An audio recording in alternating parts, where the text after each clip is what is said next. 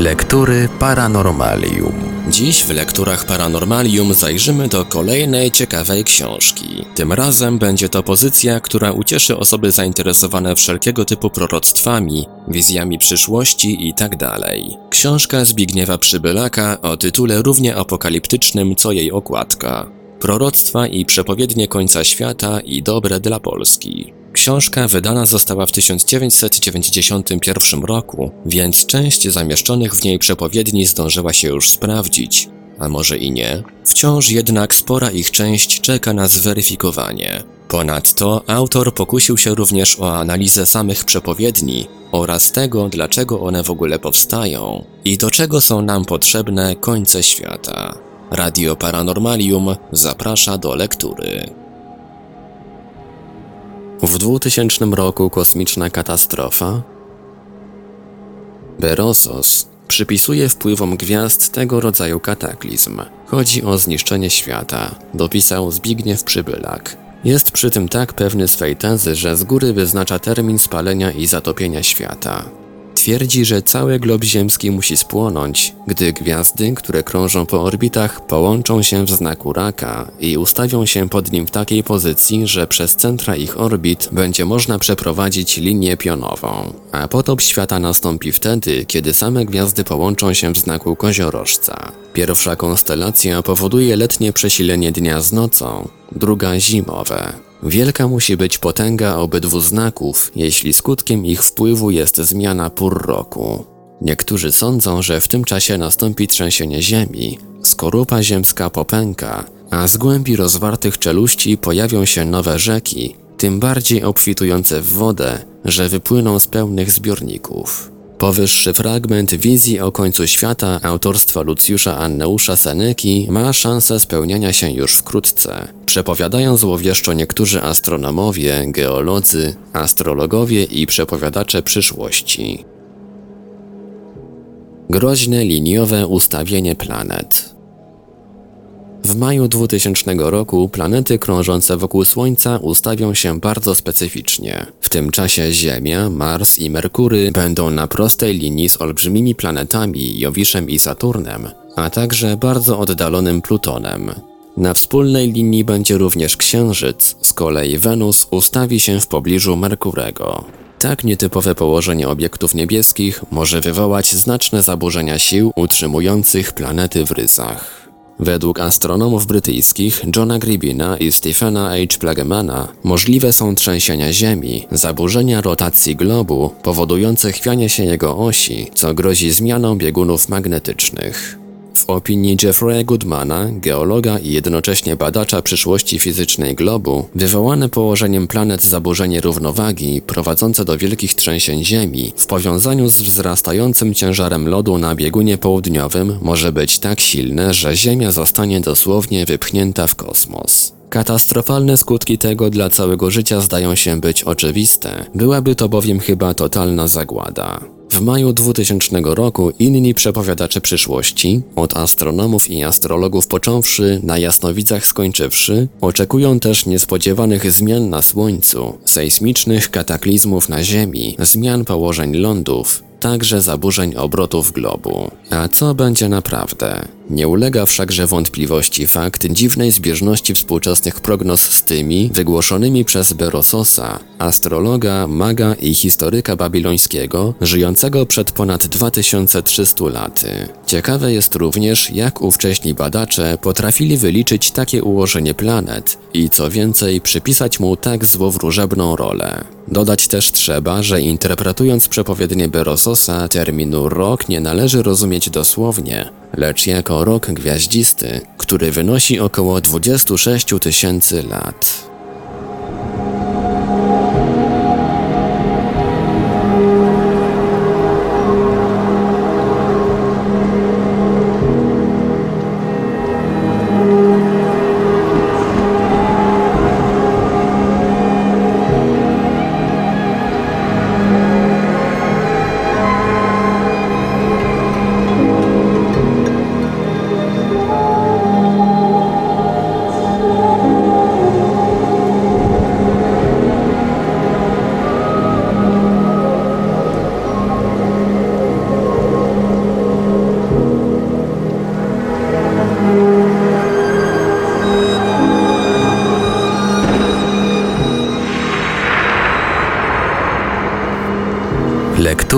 Paranormalium. Koniec świata w 1982 roku. W grudniu 1982 roku planety naszego Układu Słonecznego również ustawiły się w sposób specyficzny, co zdarza się naprawdę rzadko, z reguły bowiem krążą one dość bezładnie. Planety zgrupowały się w niedużych odległościach kątowych od siebie, jakby w szeregu. Przed pojawieniem się tego kosmicznego fenomenu, z racji zmian w przyciąganiu ziemskim, spodziewano się i przepowiadano różne kataklizmy. Między innymi spodziewano się dużych trzęsień ziemi, jako że poprzednie takie ustawienie przed 179 laty doprowadziło do znaczących tragicznych ruchów skorupy globu. Miały też wybuchnąć wulkany. Wspomnieni Gribin i Plegeman w swojej książce Efekt Jowisza udowadniali też, że prawdopodobieństwo wielkiej katastrofy uzasadnia ciągle rosnąca liczba trzęsień ziemi i wybuchów wulkanicznych. Gribin wskazywał też, że wspomniane ustawienie się w linii planet zostało przyjęte przez duże grona astrologów jako początek nadchodzącej ery wodnika. Wysunął on też sugestię, że początek nowej ery może oznaczać koniec dla Kalifornii, kiedy uskok świętego Andrzeja uaktywni się, podobnie jak i inne uskokowe linie na całym świecie. Można by sądzić, że fakt niespełniania się katastroficznych wizji w 1982 roku podważa złowieszczość przepowiedni dla roku 2000.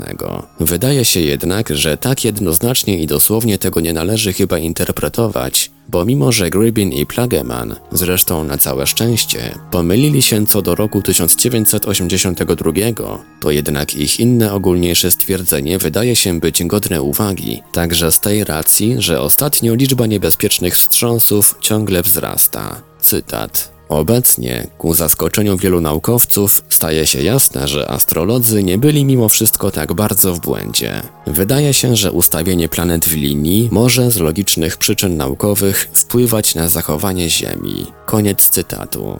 Tak twierdzą Amerykanie, ale okazuje się, że podobnie uważa Rudolf Bauandin, radziecki geolog i popularyzator wiedzy. Pisze on bowiem w swojej książce Rytm ziemskich żywiołów, że istnieje pogląd o związku między ruchem planet a powstawaniem plam na Słońcu. Cytat. Co pewien czas planety Układu Słonecznego ustawiają się w jednej linii, wzdłuż promienia Słońca. Plazma słoneczna, jak można wnosić ze zgodności wykresów, sporządzonych dla aktywności słonecznej i dla konstelacji, czyli wzajemnego położenia planet, reaguje na minimalne zmiany zewnętrznego pola grawitacyjnego i magnetycznego? Skoro tak, to powinniśmy zweryfikować naszą dotychczasową opinię o przepowiedniach astrologów, usiłujących odgadywać wydarzenia na Ziemi na podstawie położenia planet na niebie. Czekanie na kosmiczne zderzenie. 31 stycznia 1974 roku bez wątpienia miał nastąpić koniec świata w wyniku zderzenia kuli ziemskiej z kometą Kohoutka. Taki kataklizm wieszczyła przed laty sekta Dzieci Bożych. Przepowiednia się nie spełniła, Jednakże pozostała książka wydana w nakładzie pół miliona egzemplarzy, w której przeprowadzono dowód prawdopodobieństwa takiej katastrofy. Powyższe proroctwo oraz duże nim zainteresowanie dowodzą, że ciągle groźby dla ludzkiego świata upatruje się nie tylko w ustawieniu planet. Wśród katastroficznych przepowiedni ważne miejsce zajmują wizje zderzeń Ziemi z jakimś ciałem niebieskim, kometą, planetoidem albo dużym meteorytem. Zapowiedzi takiej można doszukać się także u Nostradamusa, w co najmniej kilku jego centuriach. Cytat. W kierunku północnym w pobliżu zwrotnika Raka pojawi się kometa. Słuchajcie Susa, Siena, Beocja, Erytrea. Umrze wielki z Rzymu. Noc już nie istnieje. Kwatryn szósty, centuria szósta. Kiedy wystąpi zaćmienie słońca, zobaczymy za białego dnia jakieś monstrum. W każdym razie zjawisko to będzie się interpretować zgoła inaczej. Przed zwyżką cen nie ma ochrony, ponieważ nikt nie potrafi jej przewidzieć. Kwatrien 34, centuria trzecia. Osoby interpretujące te przepowiednie twierdzą, że są to opisy jakiegoś ciała niebieskiego, stopniowo zbliżającego się do Ziemi. Skutkiem tego będą duże zmiany klimatyczne i inne, także ekonomiczne. Kilku co najmniej jasnowidzów mówi wyraźnie o czekającej nas klęsce z nieba i podaje nawet jej czas pod koniec XX wieku. Nie ulega wszakże wątpliwości, że tego rodzaju przepowiednie i prognozy mają wielowiekową tradycję. Komety, ciała niebieskie, zawsze bowiem wydawały się ludziom czymś groźnym. Czy można to traktować również jako pewien podświadomy, także odnotowany w legendach, mitach, zapis dawnych tragedii czy katastrof ludzkości? Niektórzy uważają, że tak. Indianie z Arizony wierzą, że przed wiekami w kanionie diabła Bóg zstąpił z nieba. Dodać warto, że był to pierwszy krater odnaleziony w czasach nowożytnych w 1891 roku. Krater ma ponad 1207 metrów średnicy. Dotąd odkryto na Ziemi ponad 230 kraterów meteorowych i grup kraterowych. Opisów upadków ogromnych meteorów doszukać się można w mitologii greckiej, w micie o Fetonie, synu boga słońca Heliosa. Młodzieniec, nie umiejąc powozić słonecznym rydwanem, spadł na ziemię strasznie ją pustosząc. Wywołał też kataklizm, bo jeden dzień minął bez słońca. Za karę Feton został strącony z nieba. Zniszczenie Sodomy i Gomory także podobno zostało osnute na upadku na pustynię Wabar dużej ilości meteorów kamiennych. Podobnych wydarzeń znaleźć więcej można w pismach myślicieli greckich i rzymskich.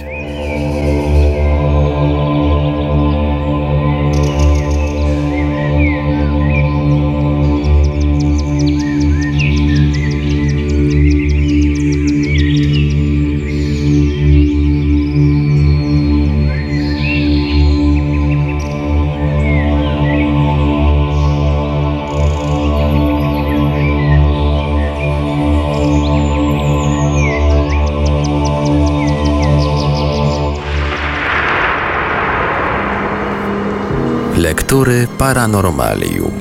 Pluton w Skorpionie. Śmierć cywilizacji.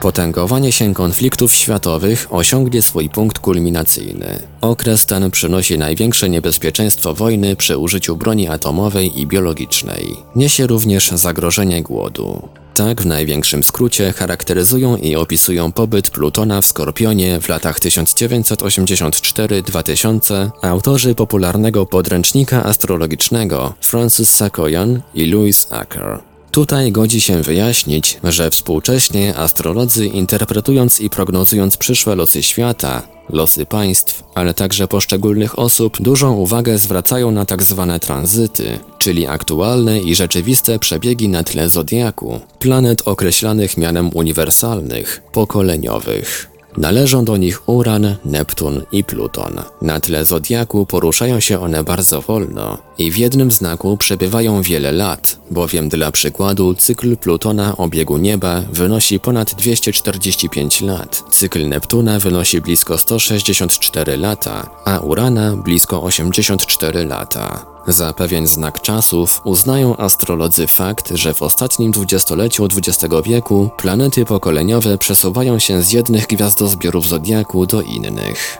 I tak już w grudniu 1983 roku Pluton, który w symbolicznej interpretacji astrologicznej bywa kojarzony z jednej strony z siłami destrukcji, przemocą, niszczeniem starych form, bezwzględnością, gwałtownością, okrucieństwem, przymusem, podejrzliwością, obsesyjnością, z drugiej strony z siłami konstruktywnymi, siłą tworzenia, regeneracji sił, intensywnością, wytrwałością, po raz pierwszy od 246 lat pojawił się na tle gwiazdozbioru Skorpiona. Tutaj warto dodać, że współcześnie ten znak przynależy także do planety Pluton.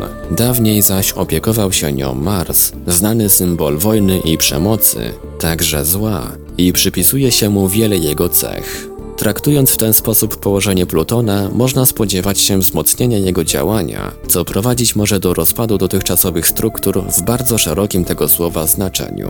Ponieważ Pluton stara się doprowadzić swe dzieło do końca, to zmiany mogą objąć wszystkie sfery cywilizacyjnego życia. Z drugiej strony wiadomo, że równowaga współczesnej cywilizacji jest równowagą chwiejną. Wszelkie więcej zaburzenia, i to do tego nagłe, bo taką ma naturę Pluton, szczególnie na tle Skorpiona, nawet mające znamiona transformacji przekształceń pozytywnych, mogą przybrać rozmiary globalnego kulturowego kataklizmu, wręcz końca świata, przynajmniej w mniemaniu wielu osób przyzwyczajonych do tego, że istniejące struktury, obyczaje, wierzenia są czymś, bez czego ludzkość nie potrafi trwać dalej. Oprócz Plutona, także Neptun po raz pierwszy od 146 lat zjawił się na tle gwiazdozbioru Koziorożca w 1984 roku i przebywać w nim będzie do 2000 roku.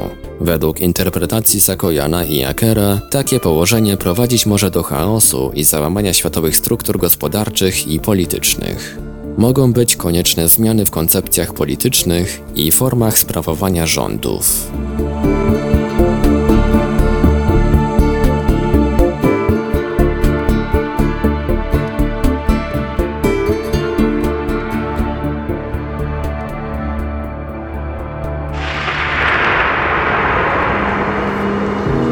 Lektury Paranormalium. Przepowiednie dla epoki wodnika. Kiedy księżyc będzie w siódmym domu, a Jowisz połączy się z Marsem, pokój poprowadzi planety, a miłość pokieruje gwiazdami. Oto świt epoki wodnika. Szczęście i zrozumienie, sympatia, ufność wokół. Koniec z fałszem i pogardą, przeżywanie sennych wizji, mistyczne objawienia w krysztale i powszechne wyzwolenie. Wodnik, wodnik, wodnik. Tak scharakteryzowano nową w dziejach ludzkości nadchodzącą erę wodnika w musicalu Hair. Do tego pojęcia często odwoływali się hipisi, którzy zainicjowali falę zainteresowania filozofią wschodu, życiem wewnętrznym, przeżywaniem odmiennych stanów świadomości, także pod wpływem środków psychodelicznych oraz magią, okultyzmem i astrologią. Hipisi uważali siebie za pierwsze pokolenie epoki wodnika. Jak wspomniałem, koncepcja epoki wodnika, bardzo popularna w astrologii, wywodzi się ze starożytnych poglądów odnośnie tzw. Tak roku platońskiego. Dodajmy, że zwykły rok wyznacza ruch Słońca w znakach zodiaku, a rok platoński to przesuwanie się punktu równonocy wiosennej. Trwa to zaś bardzo długo, bo przeszło 2000 lat. Konstelacje zodiakalne nie mają wyraźnych granic, jak znaki zodiaku powstałe przez podział ekliptyki na 12 odcinków, co powszechnie wykorzystuje się do stawiania horoskopów, ale też duża część astrologów tak wyznacza początek epoki wodnika. Taka niejednoznaczność utrudnia ścisłe określenie, czy epoka wodnika się już zaczęła, czy trzeba na nią czekać jeszcze co najmniej kilkadziesiąt, czy nawet więcej lat. Niemniej astrolodzy są zgodni, że punkt równonocy wiosennej przesuwał się przez ostatnie 2000 lat przez zodiakalne ryby i teraz po pokonaniu jednego znaku zodiakalnego, określanego też mianem miesiąca platońskiego, znajduje się na granicy z wodnikiem.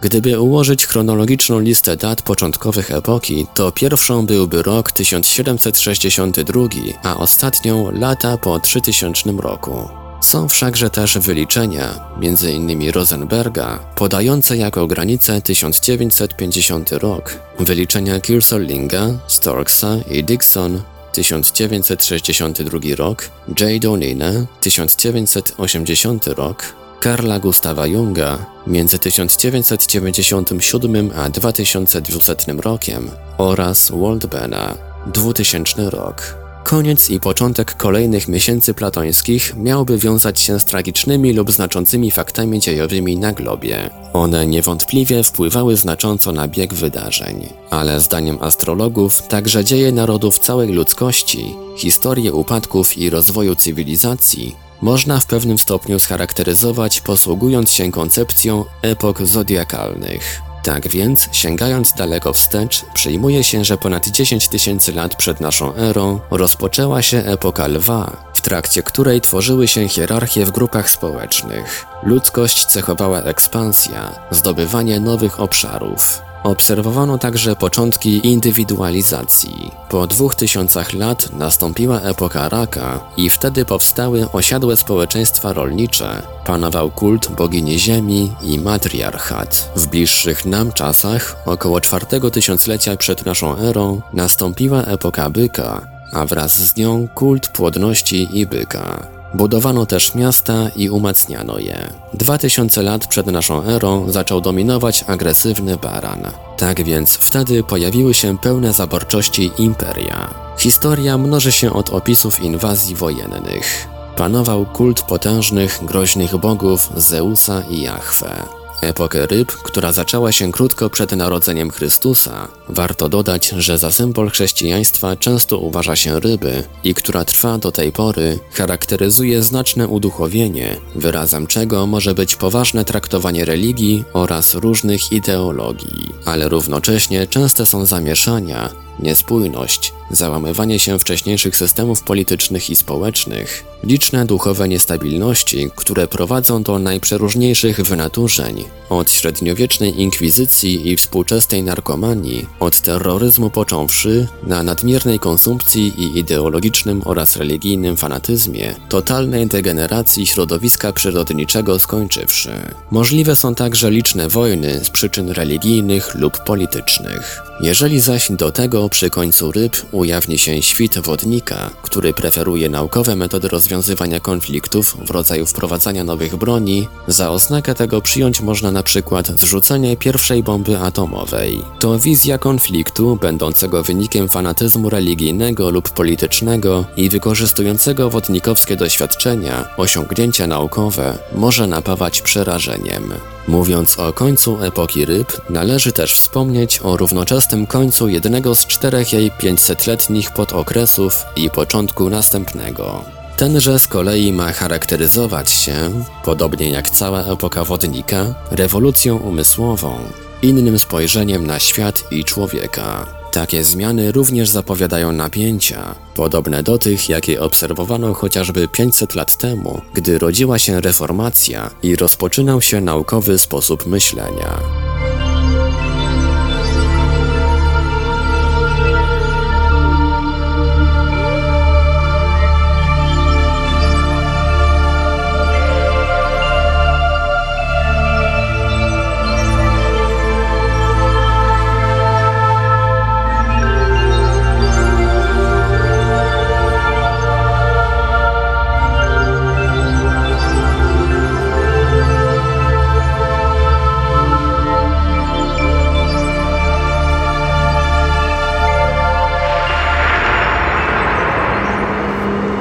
Lektury Paranormalium.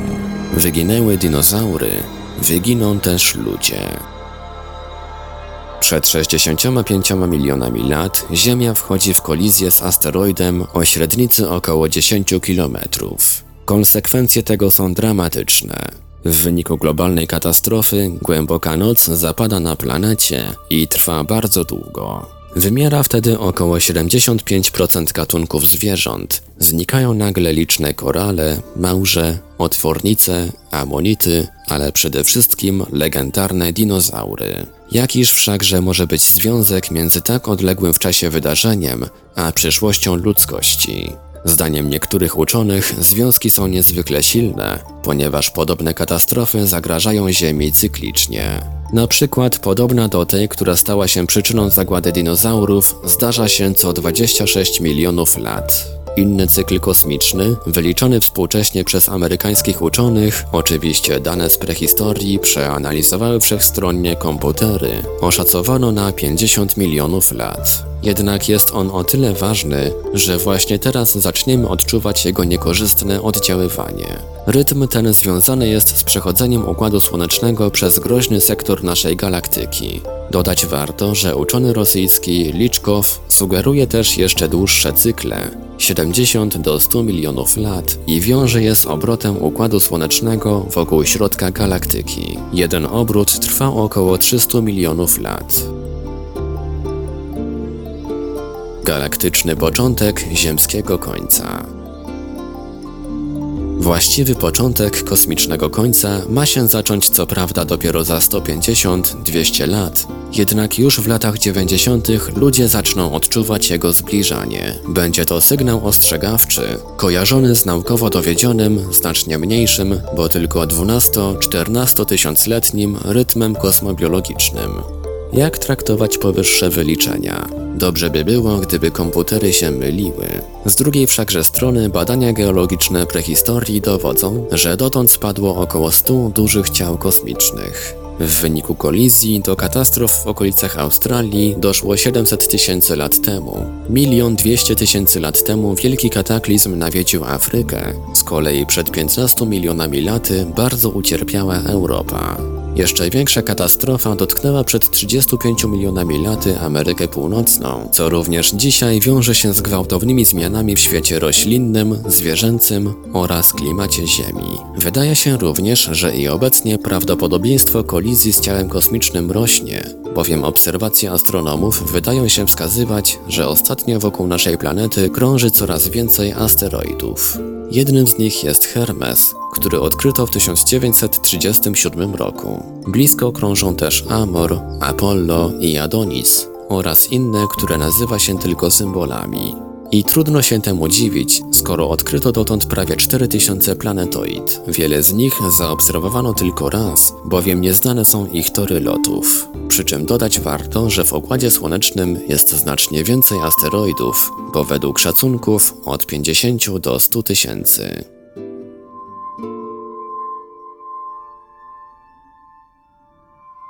Był to fragment książki Zbigniewa Przybylaka, Proroctwa i przepowiednie końca świata i dobre dla Polski. Dalszy ciąg w kolejnym odcinku Lektur Paranormalium.